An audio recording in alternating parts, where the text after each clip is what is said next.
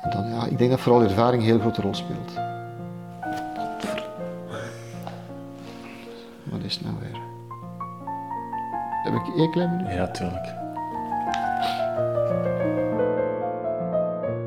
Het gaat over die muziekactie. Allee, je hebt er misschien van gehoord. Ja. Dat is geen Oké, joh, bye bye, bye. bye. Ja, dat is 160. ik kan niet niet dat ik een serieus symfonisch orkest ga doen.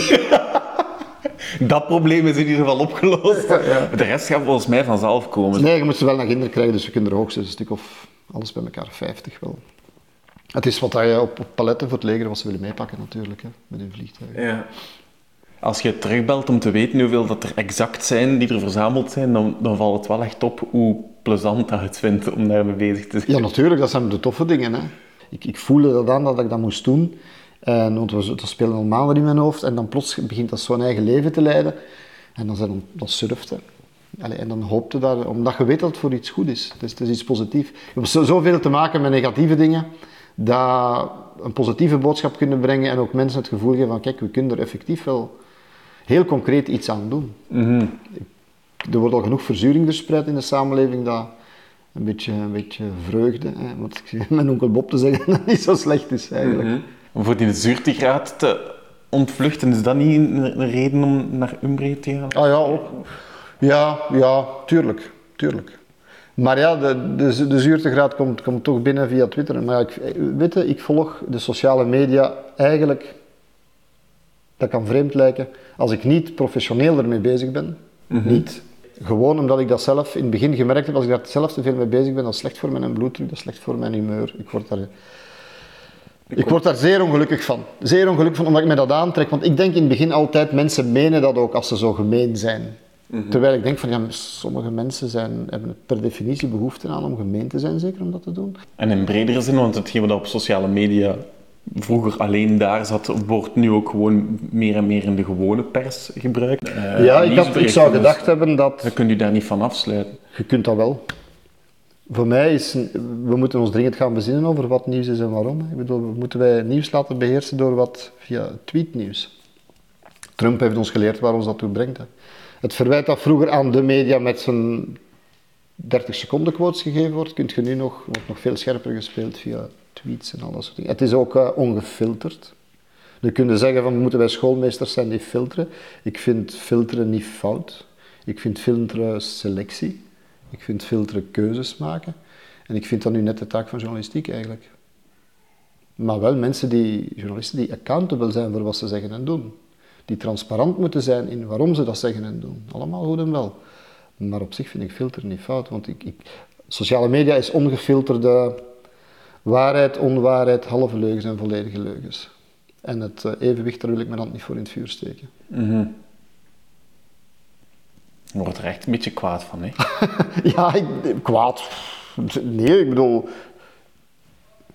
Toch wel, ja, ja, kwaad in de zin van, bon, dat is hoe ik daarover denk en, en bij voel. Ik heb heel erg het gevoel dat onze samenleving de voorbije jaren er niet op vooruit gaat qua verzuring in dat opzicht en dat, er, eh, dat wij, media en politici, daar een grote verantwoordelijkheid in hebben om daar niet op in te spelen, om daar niet voedsel en brandstof aan te geven. Ik vind het heel kortzichtig om op korte termijn op de, op de buik in te spelen. Dat, eh, in de geschiedenis zijn er genoeg voorbeelden van hoe zo'n dingen fout lopen.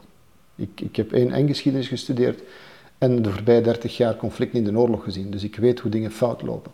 En ik weet dat dat geen ijdel spel is. En ik, ik, echt waar, ik wil, ik wil daar niet aan meedoen. En als ik op een bepaald moment stop om dit te doen, dan zal het zijn omdat ik het echt wel gehad heb, een gevoel, en voel dat ik dat toch niet kan tegenhouden. Wat ook zo is. En dat ik denk van, maar ik kan niet meer antidoot brengen. Want dat is wat je doet, antistof brengen, vind ik. Als je dat niet meer kunt voldoende, dan, dan, dan, moet het, dan stopt het. Maar wordt uw job moeilijker en moeilijker toch de laatste jaren. Moeilijk. Ja, maar ik heb, ik heb wel de infrastructuur en de mensen om dat mee te doen. En zoals ik met die muziekinstrumenten is dat een vorm van antidoot. Je bedoelt, jij wordt ook groter. De andere kant wordt groter, maar jij Maar er is niet andere kant, deze kant. Ik bedoel, ik wil gewoon... Het probleem is, is groot en is er. En antidoot is, is een dagelijkse, dagelijkse strijd die geleverd. Hè. Door het juist te zeggen, door betrouwbaar te zijn, door, door de andere kant te belichten. Alle kanten te belichten. En vooral de menselijkheid van iedereen te beklemtonen. Het gaat altijd, altijd over mensen. Hè. Overal zitten mensen. En die moeten proberen te snappen. Denk ik, hoop ik, dat de verzuring van clichés en vooroordelen kunt tegengaan. Of alleszins mensen een, een, het palet bieden van kijk, there is more to it dan je denkt. Zijn de laatste jaren niet in constante ontkrachting van dat feit, van dat geloof. Ik weet het niet. Ik zou het niet weten. Allee, een ontkrachting? Nee, nee. Weet je, ik denk dat je niet alleen moet blind staren op wat op sociale media zich afspeelt. Allee, ik, ik, ik ga ook heel veel spreken in, overal in allerlei mogelijke culturele centra en zalen. Dat is zo gegroeid, ik weet niet of dat gekomen is, maar... En op vele plaatsen merk je dat er ook nog een middenveld is, dat er ook nog een sociaal weefsel is dat wel praat over dingen. En daar moet u aan optrekken. Het is niet alleen het anonieme getweet dat, dat eigenlijk de wereld bepaalt. Allee, daar, daar hou ik mij een beetje aan, aan vast. Dat er, dat er meer is dan dat. Jij trekt u daaraan op. Ik trek me daaraan op, tuurlijk. Absoluut. Ik haal daar voor een deel energie uit. Waarom? Omdat dat het gevoel geeft van menselijke interactie en het proberen te denken en een, een boodschap over, met verschillende lagen en nuances overbrengen, dat dat nog kan. Als ik alleen maar mijn leven zou bestaan, journalistiek uit het sturen van 140 tekens telkens opnieuw, that's not worth it. Dan ga ik beter in mijn live werken. Het is al zot eigenlijk, hè, dat dat...